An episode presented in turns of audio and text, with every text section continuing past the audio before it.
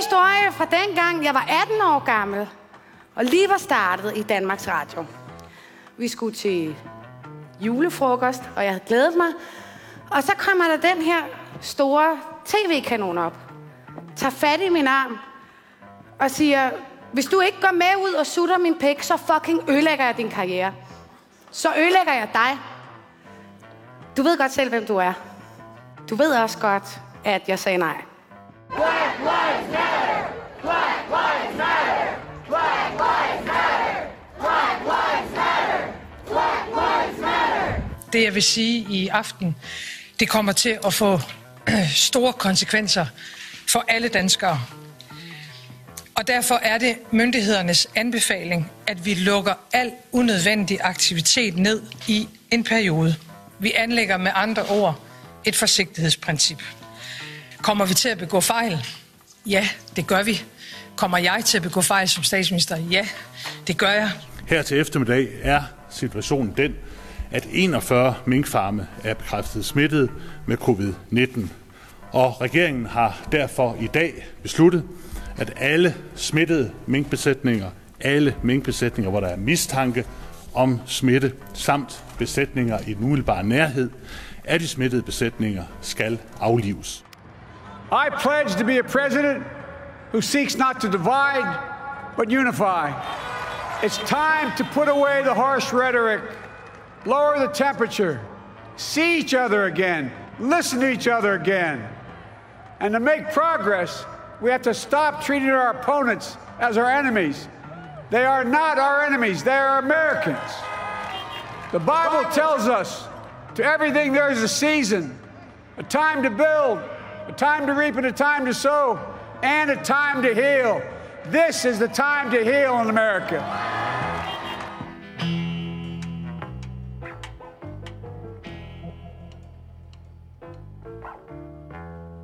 Hej Rune. Hej Anna von Sperling. Oh, årets sidste radioinformation. Nu er det den tid på året igen. Det er den tid på året igen. Skal, har vi flere, øh, har vi flere, vi lige skal have? Ved du hvad, det er sjovt, fordi når jeg har sagt godt nytår her de seneste dage, så har jeg kunnet mærke, at det faktisk for første gang i rigtig mange år betyder noget at sige det. Altså, det er ligesom bare sådan noget, man siger, men det har sådan fået lidt mere dybde i år. Altså, vi håber virkelig på et godt nytår, ikke? Jo, næste år bliver bedre. Vi kunne jo lege, at vi sad her og havde champagne på bordet, og jeg spurgte, om du kom godt ind i julen og sådan noget, men det går altid hey, galt. ingen af os drikker.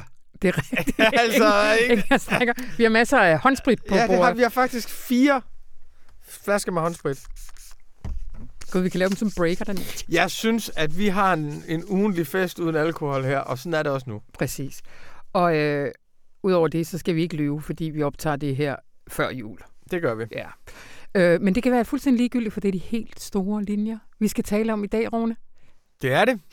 Øh, faste lyttere øh, ved jo, at vi hver år slutter af med en nytårsspecial. Vi plejer at have Gry Inger Reiter, vores skønne debatredaktør, med os, men hun barsler.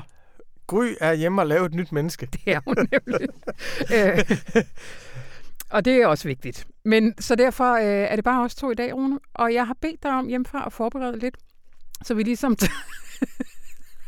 ja. Og det har du gjort, Rune. Det kan, det kan jeg love dig, jeg har gjort. Eps. Så vi ligesom går indland, udland, kultur. Vi kommer hele vejen rundt i dag, og så får vi lidt nogle, øh, så får vi lidt nogle indslag undervejs. Øh, og skal vi ikke bare kaste os ud i det? Jo. Jeg har bedt dig opdraget lød, således hvad er det, vi kommer til at huske 2020 for. Og skal vi ikke øh, starte ude i det store udland? Jo, og det vi er jo så dit og mit vi. Det er ja. vi i radioinformation. Ja, det er det altid. Ja, for mig der startede 2020 i februar, da jeg på en tur, som vi har haft en del lejlighed til at tale om her i Radio Information, med min søn Nima var over at se de amerikanske primærvalg. Og på det tidspunkt, der var stemningen sådan, establishment dør. Biden er færdig, han er senil, han er gammel, han er den gamle orden. Og enten så bliver det bare den vidunderlige Elizabeth Warren, det bliver den fortryllende Bernie Sanders, det bliver den nye skinnende ting, Pete Buttigieg, Amy Klobuchar, kunne det også godt blive. Øh, og det, der var den fornemmelse af, at bordet var fuldstændig ryddet, og nu skulle der stilles de vildeste og de vigtigste nye progressive ting frem på det, på det bord. Og jeg husker særligt den aften i februar, i Manchester øh, i New Hampshire, hvor Bernie Sanders havde vundet anden runde af primærvalgene. Og Joe Biden var blevet nummer 5. Mm. Han var blevet nummer 5 i primærvalgene. Man, man plejer at sige, at man skal vinde enten Iowa eller New Hampshire for at blive præsidentkandidat. Biden blev nummer 4 i Iowa og nummer 5 i New Hampshire.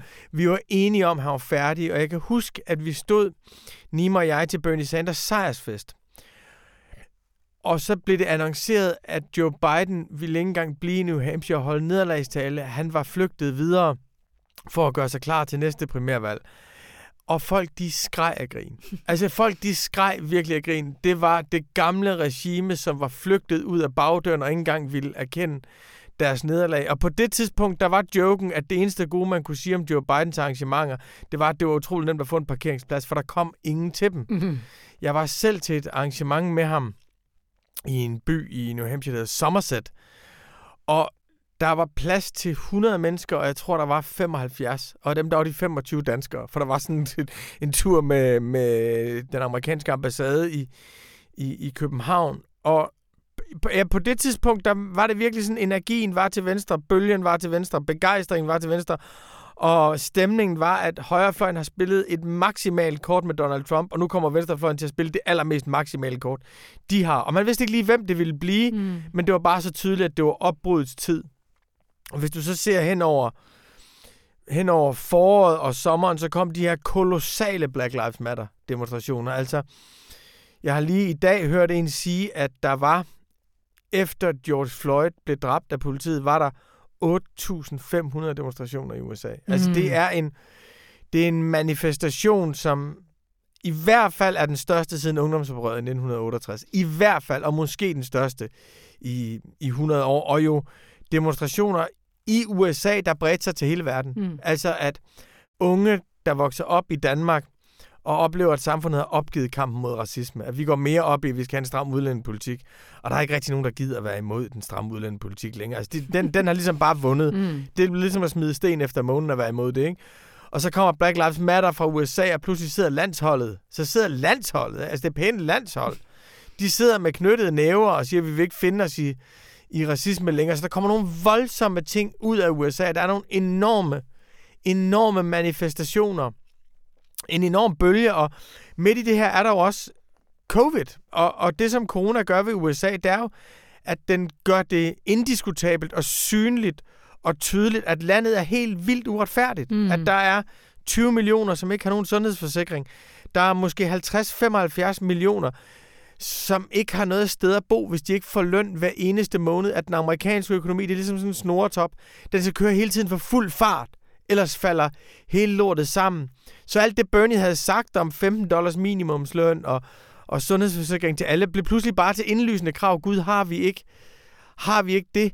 Og jeg vil virkelig huske det her år for den kolossale progressive mobilisering, den enorme energi omkring primærvalget, og så det endte med, at Biden han tog det hele.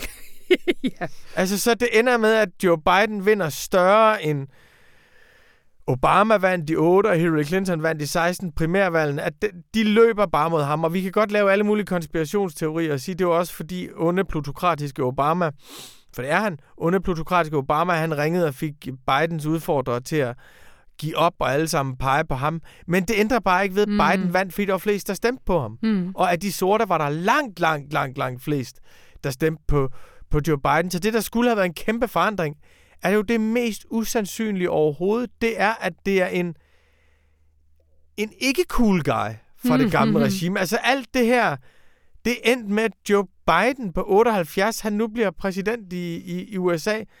Og det er jo på en eller anden måde helt utroligt nedslående. Altså, det er jo helt ja. utroligt nedslående, at det var så, hvad vi kunne komme op med, da det kom til stykket. Og det kan sagtens være, fordi folk ikke troede på, at, at Bernie Sanders kunne slå Trump, eller at Warren kunne slå Trump, eller at Pete Buttigieg kunne slå Trump. Det kan sagtens være, at de, de simpelthen var så bange for at tabe til Trump, så de valgte den allersikreste riffelskytte, mm. de havde på, på deres hold. Det kan også godt være, at folk oplevede, at USA var gået så meget i stykker, så det var god gamle onkel, der skulle til for at lappe det. Men i hvert fald er det en utrolig begivenhed, synes jeg. At, øh, og at fire år efter Trump, der er det det gamle regime, der er slået tilbage, og nu er det Joe Biden, der bliver præsident.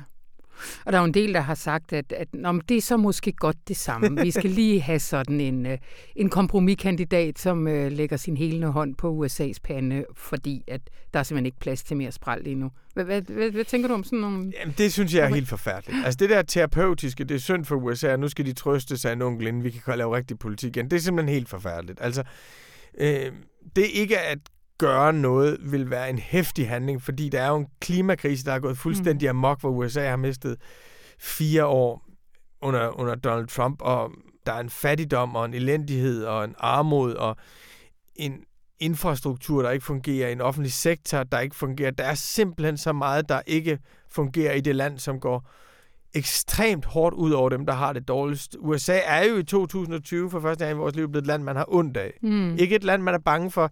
Ikke et land, man er jaloux på. Ikke et land, man beundrer. Alt det er det også, men primært et land, man har, man har, man har ondt af. Og der virker det på mig en lille smule, som om Titanic synker. Lad os spille den sidste sang med den gode gamle violinist. Mm. Kom nu, Joe. Vi ved godt, du næsten ikke kan gå eller snakke længere, men kan du ikke spille den sidste omgang? Det er den ene udlægning mm. af det. Den anden udlægning er, at at Joe Biden kan kun blive præsident, fordi han lover at gøre noget andet, end Obama gjorde. At Joe Biden er præget af Bernie Sanders, Joe Biden er præget af Elizabeth Warren, Joe Biden er præget af Black Lives Matter, og Joe Biden er præget af en meget stærk klimabevægelse, at personer betyder ikke så meget. Mm. Og vi plejer jo at have sådan en... Altså, vi har jo selv derfra, hvor du og jeg er, så har vi sådan en great man theory of history det er at lad den gode mand vinde og mm. gøre verden god. Mm. Lad den gode kvinde vinde og gøre verden god. Og det er jo en lille smule en royal forestilling om, at vi får en rigtig konge, så kan kongen ordne det hele. Og det er jo ikke sådan, historien fungerer. Nej. Historien fungerer sådan, at der er nogle historiske situationer, og de situationer tilbyder nogle muligheder. Og de muligheder, de er altid dikteret af omgivelserne. Og Franklin D. Roosevelt var ikke særlig progressiv, da han blev præsident i 1932. Han blev fandernede med progression undervejs. Lyndon B. Johnson var ikke kendt for at være de sortes ven. Slet ikke, da han blev præsident, fordi John F. Kennedy blev skudt. Men han blev de sortes ven, og Joe Biden er indbegrebet af the establishment, men han er i et moment nu med en ekstremt stærk klimabevægelse, med en ekstremt stærk antiracistisk bevægelse, med en meget, meget stærk social bevidsthed i USA, og vil vi ikke hellere have, at det er de store bevægelser og de stærke idéer og de fælles afsløringer, mm. der former en tid, end at det er store mænd? Mm. Øh, og det tror jeg egentlig meget på. Mm. Og nu havde jeg bedt dig om kun at forberede en ting, men jeg kan mærke, når vi sidder og snakker, at vi kan, vi kan glemme Europa. Altså, kan du ikke lige øh, tage en tur forbi vort kontinent? Jo, det kan vi. det er rigtigt. Altså, jamen, Europa var jo sådan... Altså, først vil jeg sige, at siden Brexit for, for fire år siden, altså siden afstemningen, ikke siden det skete, for det er, ikke, det, er ikke, det er ikke sket endnu. Og jeg har en fornemmelse af, at vi sidder med et regnestykke, hvor der kun er mellemregninger, vi aldrig når tilbage. at vi optager det her onsdag i... Ej, det, det kommer siges, ikke vi optager det der onsdag i 2032. Nej, men der har jeg været... Siden Brexit har jeg været imponeret over sammenholdet i Europa. Mm-hmm. De er faktisk ikke blevet splittet. De 27 lande har været fuldstændig enige hele vejen. Vi er den europæiske union. Og det der, kan du huske dengang, man sagde, tænk så, hvis det smitter. Brexit kan smitte. Ja. Så får vi Italexit og Dexit og alle mulige, altså Frexit og alle mulige ting. Det er en helt vildt smitsom sygdom, mm. der kommer over for øerne overhovedet ikke. Så jeg har oplevet, at sammenholdet har været stærkt i Europa. Det er også et andet Europa. Det er nationalstaterne til Europa. Det er ikke kommissionen til Europa. Det er Merkel og Macron, der, der er hovedpersonerne i det, men det er et meget, meget stærkt Europa. Nå, så bliver vi så ramt i Europa af covid i marts, og pludselig, så alle de regler, man har kæmpet så hårdt for at håndhæve over for England, de bliver suspenderet. Mm. Dag et. Altså, der er sådan et øjeblik, hvor Ursula von der Leyen, kommissionens forkvinde, hun siger, nu skal vi virkelig holde sammen i Europa, vi må ikke lukke grænserne. Dagen efter lukker Angela Merkel grænserne. Mm. Og Tyskland og Frankrig, der har sagt til Storbritannien, man kan altså ikke være med i EU, hvis man ikke køber hele det indre marked op alle frihederne og EU-domstolen. Det kan vi slet ikke gå på kompromis med. Begge lande indfører eksportforbud. Mm. Det vil sige, at man må ikke eksportere sundhedsmateriel fra Tyskland og Frankrig, to af de stærkeste lande, til resten af Europa. Der er billeder af lastbiler, der holder i kø i 30 timer på grænsen mellem Tyskland og Polen, som skal ind med sundhedsmateriel og ikke kan nå frem, fordi grænserne er blevet lukket ned. Der er billeder af Italien, som er aller, aller hårdest ramt. Og hvem får Italien hjælp af? Mm. Frankrig? Nej. Tyskland? Nej. Kina? Der er mm. billeder af kinesiske videnskabsfolk, mm. der kommer til, til Kina, og der er nogle, et berømt brev fra den italienske udenrigsminister, om at, hvem var det, der hjalp os, da nøden var størst? Det var Kina.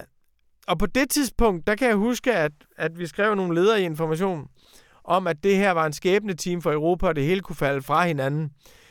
Og, og sådan var stemningen mm. der. Sådan var stemningen, at, altså, at det her kunne være afslutningen på Europa, som, som, som vi kender det. Og så går der jo ikke mere end... Nej, jeg kan se indskyde, jeg har så på et tidspunkt interviewet Margrethe Vestager om, hvad der så sker. Fordi alle bliver sendt hjem. Så der er kun 60 mennesker i kommissionens bygning i, i, i Bruxelles.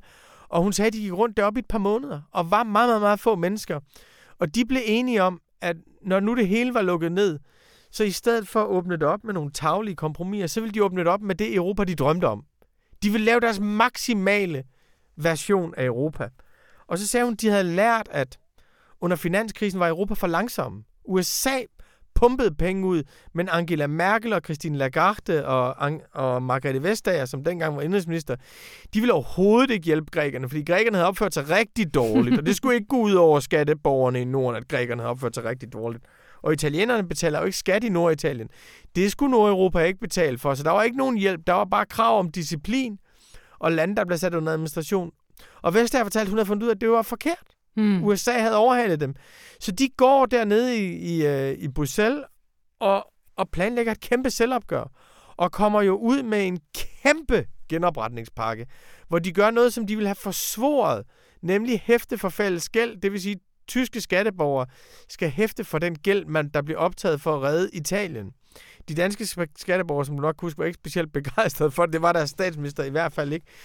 Men det korte det lange er, at, vi, at det, der lignede et Europa, der kunne gå under, det kom ud som et maksimum Europa, med en ja. kæmpe genopretningsplan, en kæmpe klimaplan, og en kæmpe plan for, for, for globaliseringen. Så det, der lignede Europas sammenbrud, blev til et stærkere Europa, end nogen af os havde forestillet os. Og mange af tabuerne er blevet ophævet i den, i den periode på grund, af, på grund af corona. Så der er en kæmpe sejr for Europa i det.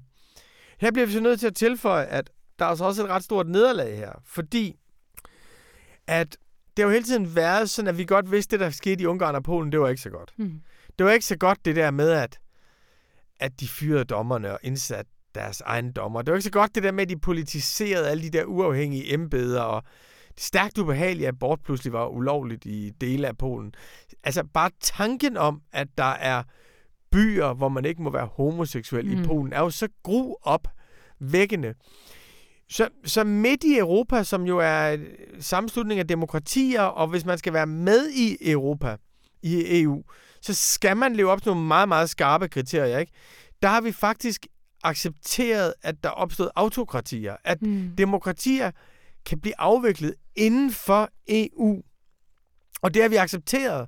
Og prisen for den her meget store genopretningspakke, det her helt nye budget, mm, mm. det var, at man gik på kompromis med Ungarn og Polen. Så der er nogen, der vil sige, Jan Werner Møller, som jeg har interviewet til Lille Juleaftensavisen, siger, det kan godt være, at vi har lavet nogle rigtig fine ting, men vi har faktisk solgt hele den moralske kerne i projektet. Ja. Og til alle de mennesker i Ungarn og Polen, der troede, da de kom med i Europa, at vi selv troede på alt det, vi sagde om mm. retsstat og demokrati. Til dem må vi sige, det gjorde vi altså desværre ikke. I skal kæmpe jeres egen kamp alene. Vi kommer ikke til at gøre det for jer. Min egen holdning mm. er, at det er i sidste instans de mennesker, der bor i Ungarn og Polen, der skal redde retsstaten og demokratiet ja. i Ungarn og Polen. Det kan Bruxelles ikke gøre for dem. Og hvis Bruxelles laver sådan nogle teknokratiske greb med, at vi tager alle jeres penge, hvis I ikke opfører ordentligt, jeg tror ikke, det vil hjælpe Nej. dem, der kæmper for det, vi gerne vil have i, i Ungarn og Polen. Og vi kan jo se det i Danmark. Altså, så snart at Bruxelles griber ind i noget her, så bliver alle jo rasende. Mm. Og sådan det der med Bruxelles-formønneri, det vil folk virkelig ikke have. Så den meget, meget svære balance, det er at sige, at der er noget helt galt. Vi skal gøre noget, men hvad skal vi gøre? Og der tror jeg for eksempel ikke, at man skal blande sig i, hvordan de definerer en familie i Ungarn. Mm. Det tror jeg, man må sige, ja, vi har meget stærke holdninger til det, du og jeg. Men jeg tror, man må sige, det, det må de skulle selv finde frem til, hvordan, hvad der er en familie i Ungarn. Til gengæld, så kan vi ikke acceptere, at de ikke har uafhængige domstole, fordi så ryger hele lortet. Så vi skal mm. finde ud af nogle minimumsbetingelser mm. for, at oppositionen kan udfordre den regering, der sidder nu. Og det bliver et kæmpe drama i, øh, i, de, i de næste år i Europa, som vi ikke aner, hvor, hvor ender. Så ligesom i USA, med øh, englene, de store bevægelser, de nye løfter, Obama eller Bidens klimaplan, dæmonerne, det gamle regime, vi kom pattende tilbage på, på vores knæ og tikkede og bad vi ikke mm. nok tage hestevognen en gang til. Sådan er det også i, i, i Europa. Englene med klimaplan, genopretningspakke, ny solidaritet i Europa, total dæmoner i Ungarn og Polen, som vi alle sammen sidder og kigger på. Mm. Tak, Rune. Nu når vi ikke mere. Nu skal vi nemlig være en lille smule selvoptaget, fordi det er gået rigtig godt for information i år. Det må man bare sige. du nikker. Øh, og det får du faktisk ikke lov til at sige så forfærdeligt meget mere om, fordi her for et par dage siden, der snakkede jeg med vores direktør, Stine Karsten Kendal, og det lød sådan her. Hej med dig, Stine. Hej, Anna. Vi sidder her. Jeg kan se på dine øjne, du smiler, men vi er jo maskeklædte her i studiet. Vi har mundbind på. Det ja. har vi nemlig, så det skrætter måske også lidt. Og det dukker i mine briller. Men vi klarer det, tror jeg, Anna. Det gør ja, vi. Vi klarer også det her. Men ved du hvad, så laver jeg bare en blid overgang, for vi skal tale lidt om året her i huset. Og det kommer man jo ikke udenom, at corona har jo været et rimelig markant benspænd for sådan at udkomme med en avis hver eneste dag. Det må man virkelig sige. og, øh, og det er jo ikke, vi er jo ikke de eneste, der har været udsat for, at vores Nej, arbejde skulle ikke. laves vi helt om. Ikke. Det gør vi virkelig ikke. Fordi øh, jeg vil næsten sige, at det bedste, vi kan sige om 2020 herinde, det er, at året har virkelig vist, at der er brug for journalistik. Ja. Yeah. Og det er jo det, vi laver. Mm-hmm. Og det er især det, I laver, og jeg hjælper så med at få det ud til nogle mennesker. Men, men det har været helt fantastisk at se, hvor meget brug der er for at, øh, at læse noget ordentlig journalistik og høre noget ordentlig journalistik og dele det med hinanden. Mm. Det er det bedste ved 2020. Ellers, ellers har det selvfølgelig også her været et udfordrende år. Øh, du ved også godt, jeg kan ret godt lide planer. Jeg synes, planer er en god ting. Du er meget glad for planer, øh. Men, men øh, de duede jo ikke rigtig til så meget i år. Og det, øh, det viste sig bare, at vi var også rigtig gode til at lægge om. Ja. Og det var også det vidunderlige ved at være på sådan en dagblad. Altså, dagen starter forfra øh, næsten, øh, eller livet starter forfra hver eneste dag, og så begynder vi forfra, og så mm. fortæller vi, hvad der er vigtigt, og det synes jeg, vi har været rigtig gode til at hjælpe hinanden med herinde. Mm. Mm. Altså, alle har hjulpet hinanden, fordi vi har jo skulle, ligesom alle andre, arbejde hjemmefra og have digitale møder, og nu har vi også digitale læsermøder, og, og, og vi har skulle øh, gøre alting på nogle nye måder, og øh, det har vi skulle kunne finde ud af. Det synes jeg er, siger noget så stort om information og de mennesker, der arbejder her. Og samtidig har vi jo skulle dække alle mulige nye ting. Ja, det var det. Øh, der var ikke nogen sidste år i december måned, der havde regnet med, at vi skulle lave en stor øh, coronadækning. Mm. og det har vi jo gjort, både med et nyt nyhedsbrev og en hel masse god videnskabsdækning, mm. hvor jeg synes, vi har fået... Altså heldigvis var vi jo lidt i gang med videnskabsdækning. Det altså, var det ligesom, så godt, at vi ja. allerede øh, faktisk havde taget hul på at, at dække videnskab sådan mere grundigt, og også have en masse gode kilder, som kunne hjælpe os. Og nu har vi fået nogle flere, nogle nye, men vi har jo heldigvis nogle journalister, som var vant til at tale med de her forskere og eksperter og sammenfatte den viden, der er derude. Mm. Og det er virkelig kommet til sin ret i år, og det er også blevet læst rigtig meget. Jeg tror, der er mange, der har brug for den der, okay, hvor står vi så egentlig nu? Ja. Dækning, og, og hvad kan vi se frem til? Og jeg synes, at det har været uden at være for alarmistisk, og uden at være for optimistisk, men også peget på, øh, at der er faktisk håb i horisonten, mm. og det er der jo heldigvis også nu. Mm. Og så er det jo også øh, nogle af de gode journalister her, som øh, var de første til at undre sig over, hvad var det med de der mink? Ja. hvad var det for noget? Der, øh, og, og at de blev smittet og smittede mennesker og har smittet hinanden og sådan noget, det, øh, det var nogle af vores folk, der allerførst undrede sig over det, det må man også sige har udviklet sig. Så coronadækningen har jo virkelig været øh, flerdimensionel, kan ja. man sige. Ja. Det er sjovt, det der med, at du siger, at der er blevet brug for os. Altså, det har virkelig været et godt år helt, helt over hele linjen for de traditionelle medier. Altså, det er ligesom om, at corona gik ind og gav et ordentligt spark til forestillingen om, at man bare kunne rave ud på nettet og få en eller anden halvkvæl. hvad der var op og ned, ja. ikke? Og heldigvis var det jo nok en udvikling, der var i gang. Ja. Vi har jo også talt om, øh, også i avisen, hvordan øh, der er alt muligt skrammel derude, og der er øh, dårlig information, og der er ting, man ikke kan vide om er sandt osv., men det her år har virkelig, tror jeg, fået mange mennesker til at tænke over, at det, de har brug for, det er noget, de kan stole på. Ja. Og det er jo noget, vi så heldigvis har prøvet at lave i 75 år. Så, så det er noget, som vi så også øh, har god øvelse i. Men det er der altså også flere, der har set øh, i løbet af året. Så tror jeg også, det ved jeg jo godt, at øh, folk har jo også haft mere tid til at læse vis. der har ikke været øh, så meget slænge sig i, øh, i solstolene på Maldiverne. Så øh, folk har også læst om hel og Ja. De har læst om klima og instrukskommission, og vi har behandlet ny dansk litteratur og naturen, og valget i USA har også virkelig været noget, som vi satsede meget på, som folk også har læst meget om. Europadækning. Jeg mm. tror ikke i mange år, at vi har haft så meget og så nuanceret dækning af, hvad der egentlig sker i Europa. Mm. Øh, og, og så selvfølgelig, altså, nu er det jo chefredaktøren, der kommer med opture, men øh, Sofie Linde, og hele ligestillingsdiskussionen ja. er jo en kæmpe optur, ja. som vi heldigvis også har dækket i avisen og ja. skal blive ved med at dække. Så det har jo ikke været corona alt sammen, Nej. men folk har været sultne efter ja. god journalistik ja. og viden og øh, kan man sige, nysgerrige spørgsmål til, hvad fanden er det for en verden, vi lever i. Mm. Og det kan også ses på tallene nede i din det afdeling. Det kan det da, Anna. Vi skal da tale om tallene. Det er jo dem, jeg sidder og kigger på hver eneste vidste, dag. Du skulle bare Al den der øh, journalistik, det er jo vidunderligt til øh, faktisk også at gøre, at vi har abonnenter. Og vi ja. har faktisk nu over 25.000 abonnenter. Mm. Et oplag, som ikke har været højere siden, jeg tror det er 1991. Så, øh, så det er jo helt vidunderligt, at der er så mange, der gerne vil være med. Og det er i høj grad faktisk vores læseres skyld, for de har været med til at anbefale vores avis til nogle af deres venner mm. og bekendte. Så i år har vi haft en kæmpestor øh, indsats, som handlede om, at man kunne øh, forære venner og bekendte to måneder gratis avis, og helt tilfældigt, så startede den i marts måned, og det havde vi jo ikke øh, vidst var samtidig med, med en verdensomspændende pandemi, men det var det. Og det gjorde så, at der var det væltede ind ad døren mm. med, med nye abonnenter, og heldigvis er mange af dem blevet. Ja. Og det er mange af de eksisterende også, så det, det er så det, der gør, at vi, øh, at vi kommer ud til over 25.000 mm. hver eneste dag. Mm. Og, øh, og en lille optur, vi også skal have med, Anna, ja. det er radioinformation. Radioinformation er jo også vokset i år. Yeah. Vi udkommer jo nu, der er jo faktisk øh, lige så mange, som øh, downloader radioinformation, som der er, der får avisen. Og det er ikke sikkert, det er de samme, og det gør heller ikke spor. Det er dejligt, alle det lytter med på radioinformation og høre, hvad det er, vi går og laver herinde. Og så kunne det være, at de havde lyst til at prøve avisen. Ja, præcis. Det kan man jo stadig. En måned gratis, hvis man ikke holder den.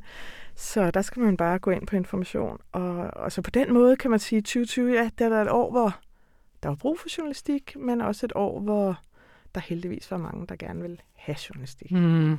Det bliver de sidste år. Optur, Stine Carsten Kendal. Det var en optur, Anna. Tak fordi jeg måtte komme.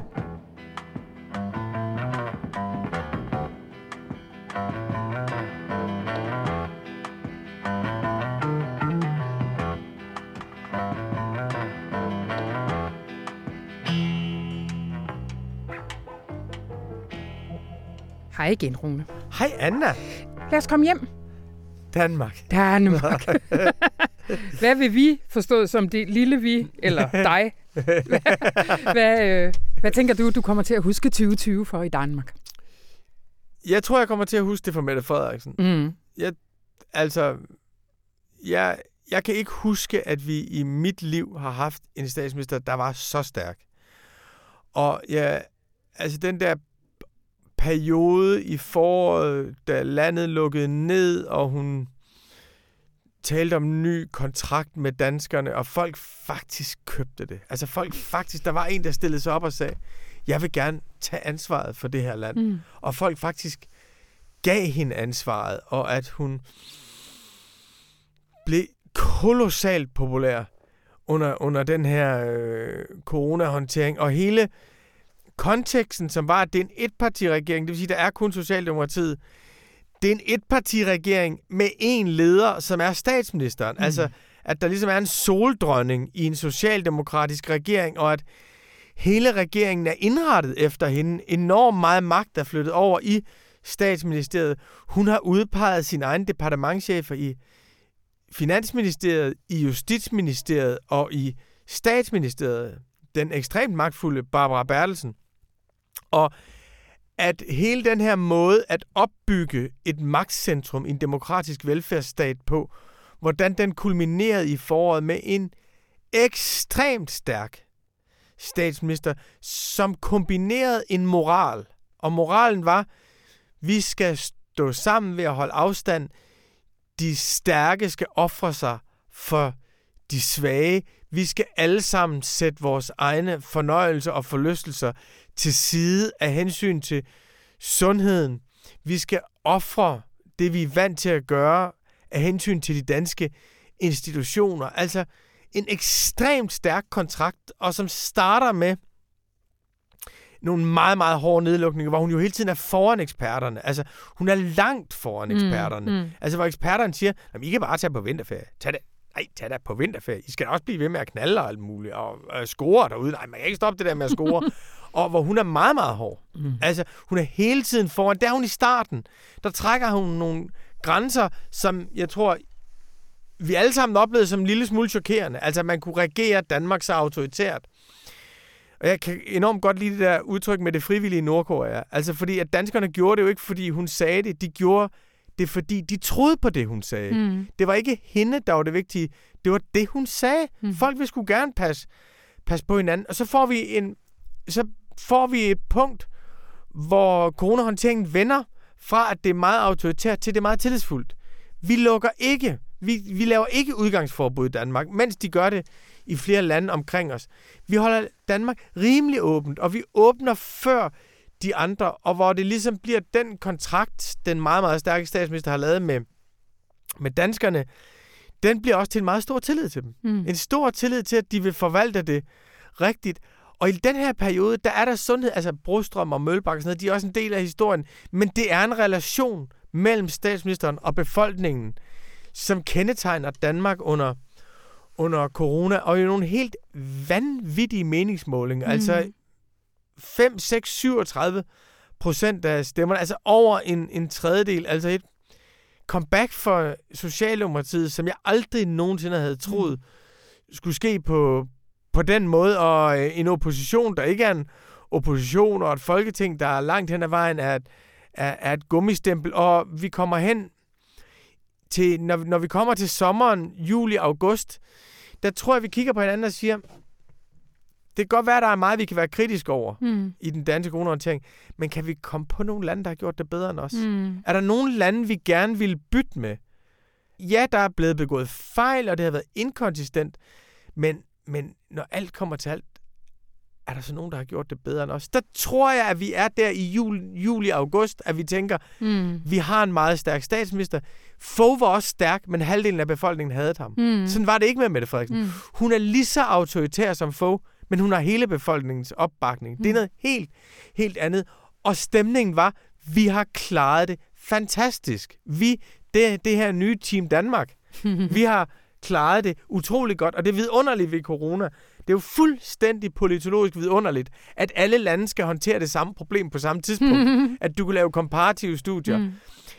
En lille parentes, som er sjov, det er, at det betød jo også, at det var enormt utrygt for diktatorerne. Fordi diktatorerne er jo vant til at have monopol på at fortælle, hvad der er rigtigt og forkert. Men folk i diktaturstater kunne godt se, at de gør altid noget andet over ved naboen. Mm.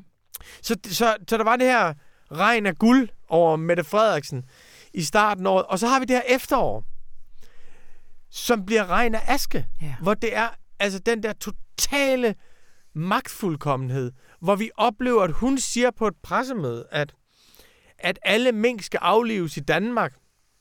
Også avls også dem, også dem, der ikke er smittet, men som er, som er til avl. Altså, at hun... Det kan vi så diskutere, om det er juridisk, det der sker, men oplevelsen er, at Mette Frederiksen faktisk lukker et erhverv i, i Danmark. Det er suverænen, der træder i karakter, ja. og hun taler det der undtagelsestilstandssprog. Det er et spørgsmål om liv eller død. Vi er hævet over almindelig politik. Det er suverænen, der beskytter samfundslægemet mod det her, der er sket. Og så bagefter, så, går, så finder vi ud af, at det var ikke lovligt. Mm. Det, de gjorde, var ikke lovligt. Der var ikke lovhjemmel til det, og pludselig ser vi bagsiden af den her centralistiske magt. Pludselig ser vi, der er mange, der har vidst det. Mm. Der er ikke nogen, der har sagt det. Altså, at hele systemet har pareret ordre og gjort det, hun sagde.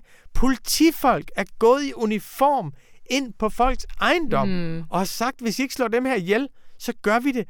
Føjer, altså det er en kæde af magt fra statsministeren helt ned mm. i den mm. enkelte uniformerede politibetjent, som går ind på folks ejendom. Der er en masse jura i det her, det vil blive undersøgt i en grænsningskommission. Men for mig er den store historie om det, der startede som en, altså en befrielse af Danmark, en romantisk, et romantisk moment med en kontrakt mellem suverænen og befolkningen, hvor magtfuldkommenheden slår tilbage mm. og bliver til ikke jo ikke et fald hos vælgerne, men hvor vi ser, hvor hurtigt det kan gå galt, mm. og hvor farligt det er i et system, hvor statsministeriet vil bestemme. For da hun havde brug for, at der var nogen, der sagde fra, der var der ingen, der sagde mm. fra. Og når man bagefter tænker, okay, du går ud og gør noget så drastisk, var der ikke nogen, der burde have sagt, jo, var der ikke nogen, der vidste? Jo. Mm. Hvorfor fanden mm. sagde det ikke? Der er masser af ting, vi ikke mm. ved, og som jeg ikke skal gøre mig til dommer over her i radioinformation. Der er så meget andet, vi kan gøre os til dommer ja, over. Det gør ja, ja. vi så også. Men jeg synes, fortællingen om suverænens almagt, som ender med suveræns afmagt, mm. er fantastisk lærerig.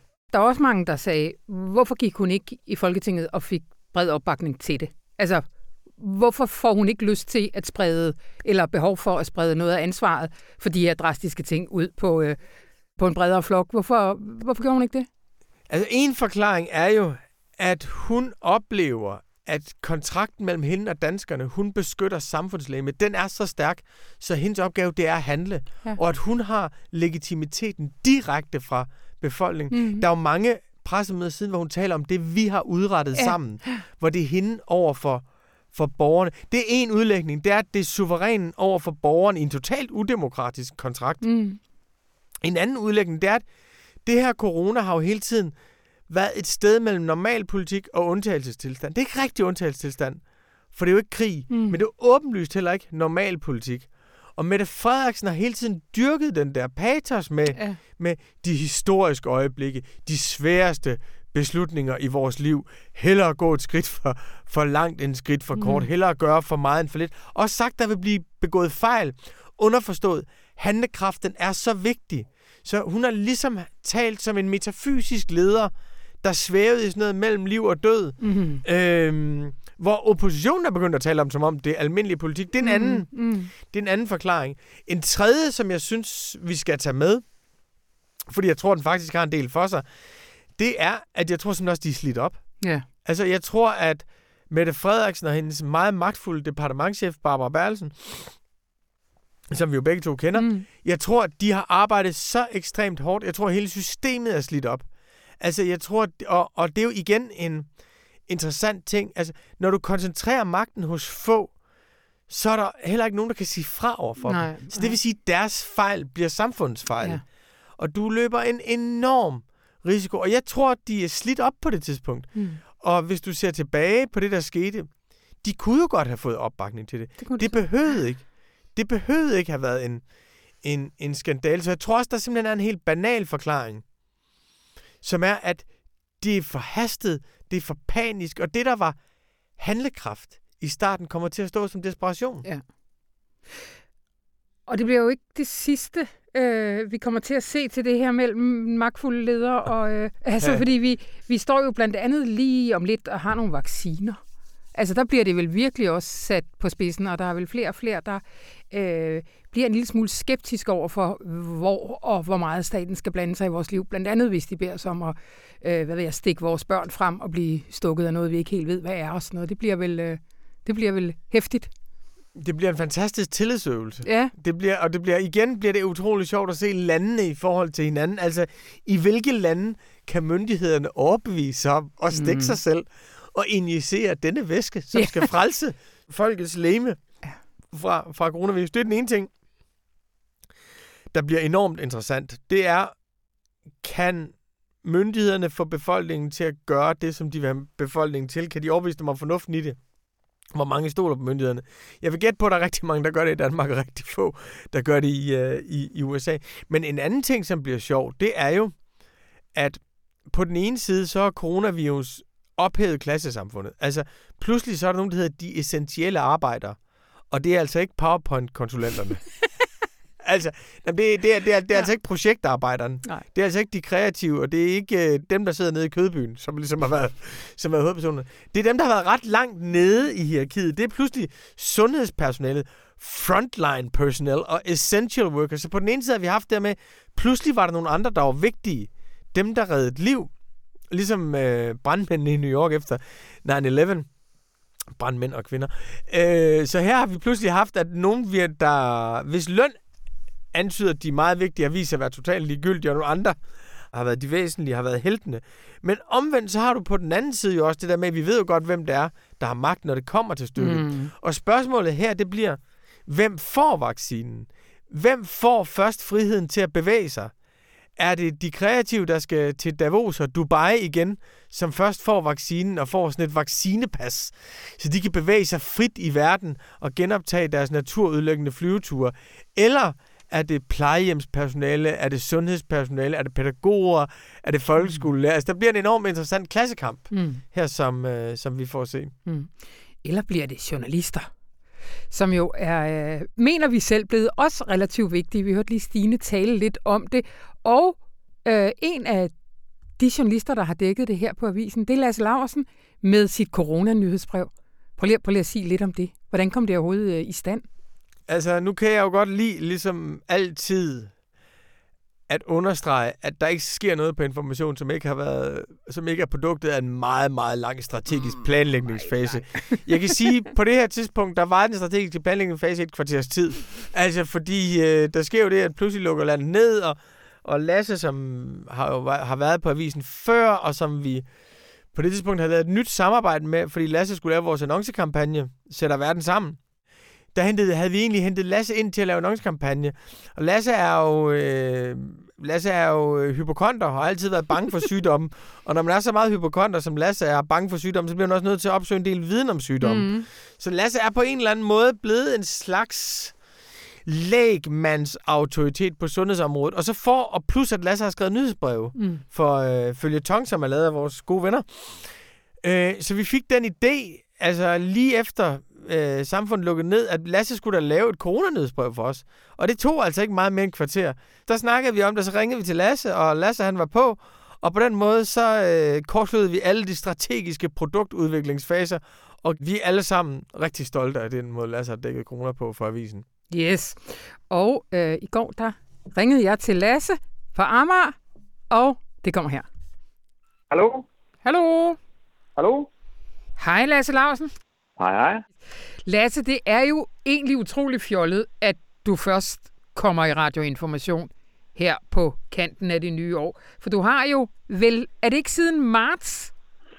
Jo, det er ret præcis siden ja. øh, 11. marts. 11. marts? Måske 12. marts. Altså 11. marts var der, du ved, øh, den store berømte pressekonference var med, ja. med, med statsministeren og Søren ja. Brostrøm og det hele. Og så kan jeg faktisk ikke huske, om det var den dag eller dagen efter. Jeg Ellers så stod I op med... næste dag, og siden der har du været informationslæsers corona-pindeven. Ja, med corona-overblikket. Ja, det er det. Øh, hvis der sidder nogen derude, som ikke modtager øh, corona-overblikket, øh, kan du så ikke lige fortælle, hvad det er? Jo, det er sådan en, øh, en daglig, nu er det faktisk lige på det seneste blevet ugenligt, men ellers har det været en daglig opdatering på coronasituationen og, øh, skal man sige, en lille, sådan en lille personlig øh, rundflyvning over situationen og en lille med små analyser og lidt links ud i verden til forskellige andre artikler og andre coronaskribenter rundt omkring, og øh, så nyheder fra ind- og udland, og så øh, også lige en præsentation af, hvad ellers har i avisen øh, på den front, på ja. coronafronten. Ja. Der kan være ting øh, ved dig, jeg ikke kender, men det har vel ikke været sådan videnskabsjournalistik, som har været det, du har lavet mest af. Hvordan endte du med at sidde og skrive det her? Mm, ja, yeah, altså man kan sige, øh, det som jeg har, jeg har, jeg har dog lavet noget videnskabsjournalistik. Jeg har siddet på moderne tider for flere år siden. Det er rigtigt. Der sad jeg jo næsten i 10, næsten i 10 år øh, og startede det op i sin tid, og der var der en del videnskabsjournalistik sådan set. Men man kan sige, det som er sådan særligt mit interessefelt, som jeg også skrev om moderne tider, det er sygdom, og øh, skal man sige, øh, sådan, altså også min egen sygdom, og mm. hypokondrien. Jeg havde en helt klummeserie om at være hypokonter, og øh, lavet sådan en lille bog om det, og har skrevet rigtig meget om sådan noget krop og sygdom og sådan noget. Kropsting ja. og sådan noget. På den måde så har jeg sådan haft et meget nært forhold til sygdommen, lad mig sige det sådan. Mm. Men øh, jeg tror, da derfor Rune greb fat i mig, det var fordi, jeg ligesom havde, jeg havde rodet med det her felt i mange, mange år før, og måske også lang tid før jeg overhovedet blev journalist og skribent, øh, har jeg været meget, meget, meget øh, skal man sige, usundt optaget af sygdom og sundhed. Altså, jeg kan da også afsløre, at jeg har haft faser i mit liv, hvor jeg har været usundt optaget af min krop og dens mulige sygdom. Så jeg, jeg, jeg, jeg er sådan nysgerrig. Hvordan, hvordan er så den psykologiske effekt af at arbejde så intenst med det, som du har gjort her? Jamen altså, det, det, det lyder jo næsten banalt, men, men det er som om, at man bliver mindre optaget, altså mindre hypokondrisk, skal jeg vil næsten sige. Og, øh, og, og det er jo også som om, at det har været det gode ved, øh, skal vi sige, meget været godt i den her coronakrise for mig, så har det jo været, at, at alt det, jeg tidligere antog for normalt, alt det, jeg sådan har gået op i, altså smitte og smittespredning og, og tage mundbind og handsker på og sørge for uh, en lidt overdreven hygiejne og sprit og alt muligt andet, det har været normalt for mig, så lige pludselig blev jeg normal. Altså, folk har altid kigget skævt til mig, når jeg skal hive spritten frem af, af min taske og lige sprittet af, hvis jeg har været sammen med børn eller andre folk, som er så meget rundt omkring, ikke? Eller, Andre og det har altid folk, lidt en feature for mig, der, der, har været, der har været sådan lidt, hvorfor gør du det, agtigt? Og øh, på den måde har det været meget befriende for mig at blive helt normal i den her, i den her periode. øh, og der, der har jeg en forventning om også, man kan sige, at det er noget, som på en eller anden måde holder ved, og man kan få, altså, sådan, altså jeg vil ikke sige sådan, hvad, hvad sagde jeg-agtige følelse, jeg har i kroppen, men lidt den der med, Nå, men der kan I se, det kan, det kan være god grund til det her, ikke? Altså, jeg, må, jeg, må, Øh, må, jeg, må jeg godt være den, der bare sådan tager den illusion fra dig, det bliver ikke ved. For eksempel ikke mig. Altså, så straks de siger, den er cool, så kommer jeg til at snaske rundt igen. Ja, okay, men altså, øh, men altså, jeg, jeg beholder min øh, sprit, hvor jeg har haft den hele tiden, ikke? Ja. Og, øh, og, og glæder mig over, at vi nu får i mange varianter for, af Bornholms gin og alt muligt andet smart, ikke? Altså, så, men altså, ellers bortset så, så, så, har det, så har det jo været sådan en dobbelthed, som har både har været øh, super pisse interessant, fordi altså, hele verden er på den anden ende, og hele verden har forandret sig i løbet af, af, et- et splitsekund. Og, øh, og det har været helt vildt tæt på, og er langt fra på én gang. Ja. Altså en eller anden form for global vanvidstilstand af fly, der holdt stille, og præsidenter, der blev syge, og, og, og, og, folk, der døde i fjerne egne land, eller verden.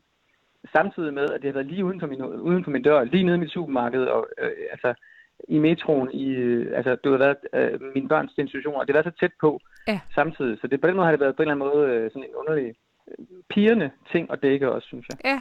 Øh, og skal man sige, jeg havde nok fulgt med i det alligevel med nogenlunde samme øh, intensitet. Så, så at, at jeg sidder og øh, ligefrem både øh, få penge og, og læser af og sidde og lave det, jeg lave forvejen, er jo meget rart. Ikke? Ja. Ja, og læsere har du haft rigtig mange af. Hvordan, hvad, hvad er egentlig tallene for den?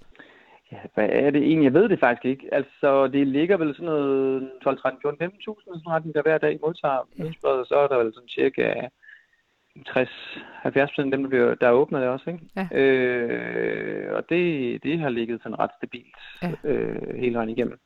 Man kan jo godt se intensiteten. Det kan man, man kan meget lidt aflæse, sådan, når man sender nyhedsbrev ud, så får man ret meget sådan besked tilbage omkring, hvad er åbningsraterne og så videre. Så, videre. så man, kan jo godt, man har godt kunne se intensiteten stige og falde sammen med, øh, hvad hedder det, øh, altså i løbet af året. Men faktisk har jeg været overrasket over, hvor, ja, altså med, ja, men altså med, jeg har faktisk været overrasket over, hvor intens det har været ret konsekvent. Okay. Altså det var lige hen over sommeren, hvor vi også udkom øh, noget mindre. Altså hvor vi holdt en pause, og så begyndte vi at komme på ugenbasis og sådan ting. Men ellers så er det faktisk været meget stabilt. Folk har været meget optaget af det, og, og folk melder også meget tilbage, og folk er faktisk både sådan meget søde, men også meget ophidset, kan jeg mærke. Der er sådan meget, der er meget intens stemning omkring det. Hvad, hvad, Øh, hvad er det for nogle henvendelser, du får? Det er alt lige fra dødstrusler til kærlighedsbreve, nærmest, altså, du ved, altså fra folk, der øh, altså, øh, synes, at det er meget interessant og meget fantastisk at vide, og folk, der synes, jeg øh, mener, jeg er blevet betalt af Bill Gates for et eller andet øh, virushalløj, eller øh, og, øh, altså nogle virkelig, virkelig grimme mails. Der, Ja. der er jo meget, altså, man kan mærke, at det er, meget, det er noget, noget, der virkelig, og det er jo der god grund til, sikkert det samme årsag, som jeg nævnte lige før, der har virkelig været en, altså det er virkelig noget, som virkelig hisser folk op. Ja. Altså øh, både på den ene og den anden vej jeg kunne- har også kunne mærke den intensitet af afmagt og vrede og, og, og fatigue, der også er kommet hen over efteråret og her mod vinteren. Ja. Øh, hvor folk blevet mere og mere, skal man sige, øh, aggressive faktisk. Ja. Ja. Hvis man nu gerne vil modtage det her nyhedsbrev, hvor, øh, hvor tit får man det så nu? Så får man en gang om ugen, Yes. lige i øjeblikket. Altså det kan da godt være, hvis vi skruer op hen over vinteren, øh, altså hvis det her bliver ved. Men altså nu kan man sige, nu er vaccinerne jo lige om hjørnet, og det skulle gerne kunne begynde at vise sig sådan i løbet af januar og februar, måske først ind i marts. Og med det kunne man måske også håbe på, at intensiteten omkring det her faldt en lille smule. Nej, så skal vi rigtig selv... i gang med at skændes, når vaccinerne kommer. det er rigtigt. Altså, ja, ja, det, altså i hvert fald for den daglige ting omkring det der med, øh, hvad skal man sige, øh, hvordan skal verden se ud, og hvad fik vi ud af det, hvad gjorde vi det rigtige og det forkerte, ja. altså, det er rigtigt. Det kommer der en, en ekstrem øh, meget ud af, og så tror jeg i øvrigt, altså, tror jeg, at de fleste vil være enige med mig, som føler det her en lille smule, at januar bliver ret slemt, tror jeg, i forhold til smitte og øh, smitteudbredelse og ja. altså, døde i hele verden og sådan ting. Det, det tror jeg faktisk bliver en rigtig, rigtig, rigtig grim måned, ja. pandemien jeg tror, det bliver nogle, en rigtig, rigtig intens periode, vi går i møde, faktisk. Ja. Og øh, den vil du dække, og hvis man vil modtage nyhedsbrevet, hvordan gør man så det? Så går man bare ind på Informations hjemmeside, og hvis det ikke ligger sådan, man lige kan trykke på det, så er der et helt fanblad, der hedder nyhedsbrev. Og der er alle mulige andre gode nyhedsbreve, og deriblandt ligger det, der hedder corona-overblikket. Godt. Og så kan man skrive sin mail op, og så begynder det bare at komme helt automatisk. Så kan man også melde det fra igen, hvis man er træt af at høre på mig eller nogen andre, så, øh, så kan man melde det fra igen. Men, øh. Fælden klapper ikke. Øh, Lasse, Nej. tusind tak, og rigtig godt nytår. Tak, og lige måde, Anna.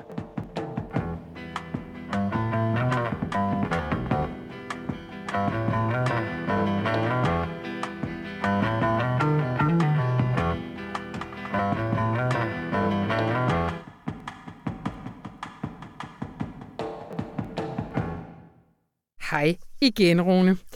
Uh, vi er ved at være ved vejs ende, og som sædvanligt ligger kultur jo bag os. Det havde jeg egentlig besluttet mig for at vende om. Nå, skidt med det. Det er det, vi gør. Rune, hvad vil vi huske 2020 for i kulturen?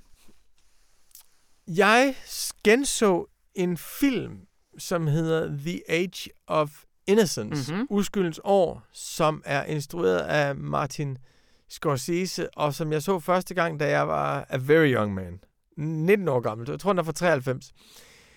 Øh, og den film blev på en eller anden måde for mig en fortælling om det, der skete i kulturen i 2020. Som alle andre Martin Scorsese-film, så handler den om, at det er rigtig svært at være mand. Alle Martin Scorseses film handler om, at der er en mand midt i livet, som har det utrolig svært og meget, meget fremmedgjort fra en ond verden. Der er alle mulige krav. Til, og det er lige meget, om det er Raging Bull, om det er Mean Streets, eller det er Taxi Driver. Det er altid temaet. Øhm, men uskyldens år er lidt anderledes, fordi det, det handler om en rigmand, som det spillet af Daniel Day-Lewis, som er tvunget til at gifte sig for at føre sin familie videre. Han bor i New York City, og øh, derfor skal han gifte sig med den meget, meget kønne og meget, meget mondæne og meget, meget belevende, men helt utroligt kedelige Winona Ryder. Mm-hmm. Det er ligesom en alliance, der skal få der skal få de to overklassefamilier til at blive ved med at bevare magten i New York. Men denne stakkelsmand, det er det, det, det torturerede læge midt i eksistensen, som er, det er så synd for ham. Han er så rig, så han har så mange valgmuligheder, og han er så smuk, så han kan vælge så mange kvinder. Han møder også en anden kvinde, som bliver spillet af Michelle Pfeiffer. Og hun er en femme fatale i, i filmen. Hun har været gift før, man er blevet skilt. Hun forfører mænd med sit bare væsen, og stakkels Daniel Day-Lewis, han står hele filmen igennem splittet mellem den forføreriske femme fatale, som han ikke må få, og den ekstremt kedelige Winona Ryder, som han skal tage. Det sjove er, og han vakler hele tiden frem og tilbage mellem fornuften og, og, og, og følelsen, mellem trangen til eventyr og hensynet til orden i verden. Sådan tror man, filmen er hele vejen igennem. Han bliver hos Winona Ryder, for han har ikke noget valg, men hans drømme bliver hos Michelle Pfeiffer.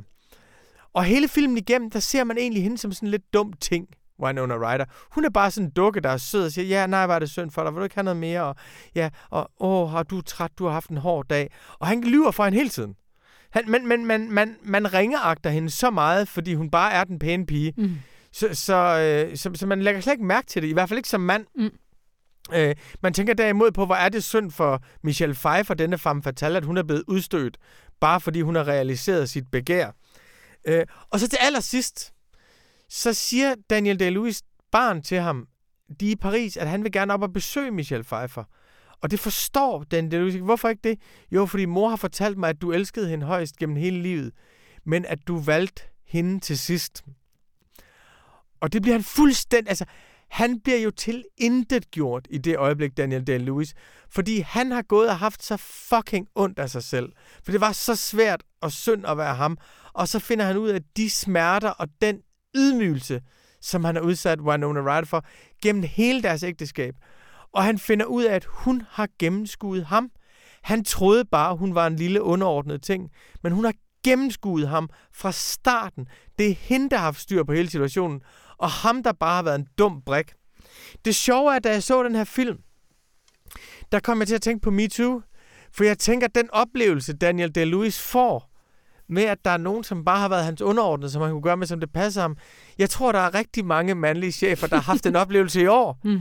Altså, at nogen, som de bare har troet, at de kunne gå og tage lidt på røven og kalde lille skat og, og komme med små tilbud til. Og hele den der sådan, dem kunne man bare tale til, som man ville, fordi de svarer ikke igen. Mm. Det, jeg oplever, der er sket i efteråret i det danske kulturliv og i dansk politik, og jo mm. bredt, mm.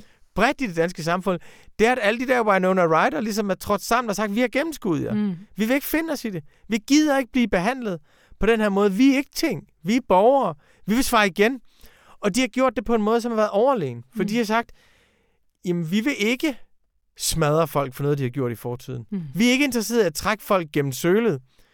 Vi vil bare have, at det bliver bedre for fremtiden. Mm. Så i stedet for straf for fortiden og hævn over gamle fortrædelser, så har de lavet en MeToo-bevægelse. Og jeg siger utryggeligt de, fordi jeg kan ikke tage nogen mm. ære for det. Jeg kan sige, at vi har klappet på sidelinjen og mm. måske hejst et flag en gang imellem. Men, men de har lavet en bevægelse, som handlede, som var fremadrettet, og som inviterede folk med. Og det er enormt interessant, synes jeg, at den bevægelse har været så stærk. Så dem, der er blevet fældet af den, Frank Jensen, Morten Østergaard, som jo er, og det synes jeg også, man skal kunne rumme, det er frygtelige skæbner. Mm. Altså, det er frygteligt. Ja, ja, ja. Det er frygteligt at blive revet ned i offentligheden. Og der er det med MeToo, at det er noget andet end at blive fyret for at snyde i skat. Fordi det er ligesom både privat og professionelt. Mm. Du bliver revet i stykker som person. Altså, men det sjove er, at både Morten Østergaard og Frank Jensen har jo anerkendt MeToo-bevægelsen og sagt, mm. vi vil gerne være en del af den her. Altså, det er en meget, meget sjælden revolution, hvor kongen, der får taget hovedet af, hylder guillotinen. Mm. Men det har de faktisk gjort her. Og, og det minder mig simpelthen, altså det der, den pludselige omvending af mm. magtforholdet. Mm. Altså, jeg møder rigtig mange mænd, som siger, nu skal man jo hele tiden overveje, hvad man siger. Ja, nu skal man jo hele tiden overveje, hvad man siger, ikke? Og, og, øh, og det er rigtigt. Mm. Det skal vi. Og, og det vil være løgn at sige, at det ikke var pisse mm. anstrengende. Og ja. kan man sige det, kan man sige det. Men den anden tanke er så også, at vi har nok været de eneste i hele verdenshistorien indtil nu, der aldrig har skulle overveje, hvad vi sagde. Altså, det er jo, altså, ja. og det er jo ligesom... Men er der en Martin Scorsese-film på vej om, øh, om manden, der hele tiden skal overveje, hvad han siger? Nej, men jeg synes sgu, det er så... Jeg, jeg blev virkelig taget af den der... Øh, altså, jeg har tit tænkt på, hvis jeg var kvinde, og jeg så film, så ville jeg være ufatteligt træt af, at mandens drama er totalt i centrum i hele Martin Scorseses værk. Eller at de der platinblonde objekter, der er i Hitchcocks film, at de jo bare ligesom er, de er jo bare sådan historieløse objekter, der skal mm. trigge noget begær, noget længsel hos mænd. Altså det der med, at der er ting, og der er subjekter mm. i, i, i, i filmhistorien. Og det, jeg oplevede, der er sket, det er, at det er kvinder, der ikke har været aktivister før. Mm. Mm. Det er heller ikke sådan nogen som dig, Anna. Mm. Det er, altså, det, det er det kvinder, rigtigt. der ikke har været aktivister før, som er blevet aktivister. Og det er det, jeg fucking elsker ved kultur. Mm. Det er, at kulturprodukter, de kan minde en om de der pludselige omskift mm. i verden. Det er fuldstændig mm. utænkeligt. Hvordan kan sådan noget ske? Jamen, det sker jo hele tiden. Mm. Og det, det, det kan den der øh, film af Martin Scorsese. Det sjove er jo så, at, den er jo, at det er jo så også en filmatisering af en roman skrevet af en kvinde, Edith Wharton. Mm. Rune, vi når ikke mere denne Men gang. jeg vil gerne lige nå 32 andre ting. Jamen, det må du ikke. uh, tusind tak for i år. Tak for, ja, tak for i år, Anna. Ja, og skal vi lige sige, at... Uh, det har været lidt... svært. Der har været mørke tider, der ja. har været svære tider. Men alt i alt, 2020 i Radioinformation. Der har været optur. Kæmpe optur. Og det var vores lille nytårsspecial. Jeg håber, du kom rigtig godt ind i det nye år, og at øh, du vil hænge ud med os her i 2021. I hvert fald så er vi allerede tilbage næste fredag med en helt ordinær omgang radioinformation. Mit navn det er Anna von Sperling, og det her program det var klippet og smukkeseret af Anne Pilegaard Petersen. Ha' en rigtig dejlig weekend.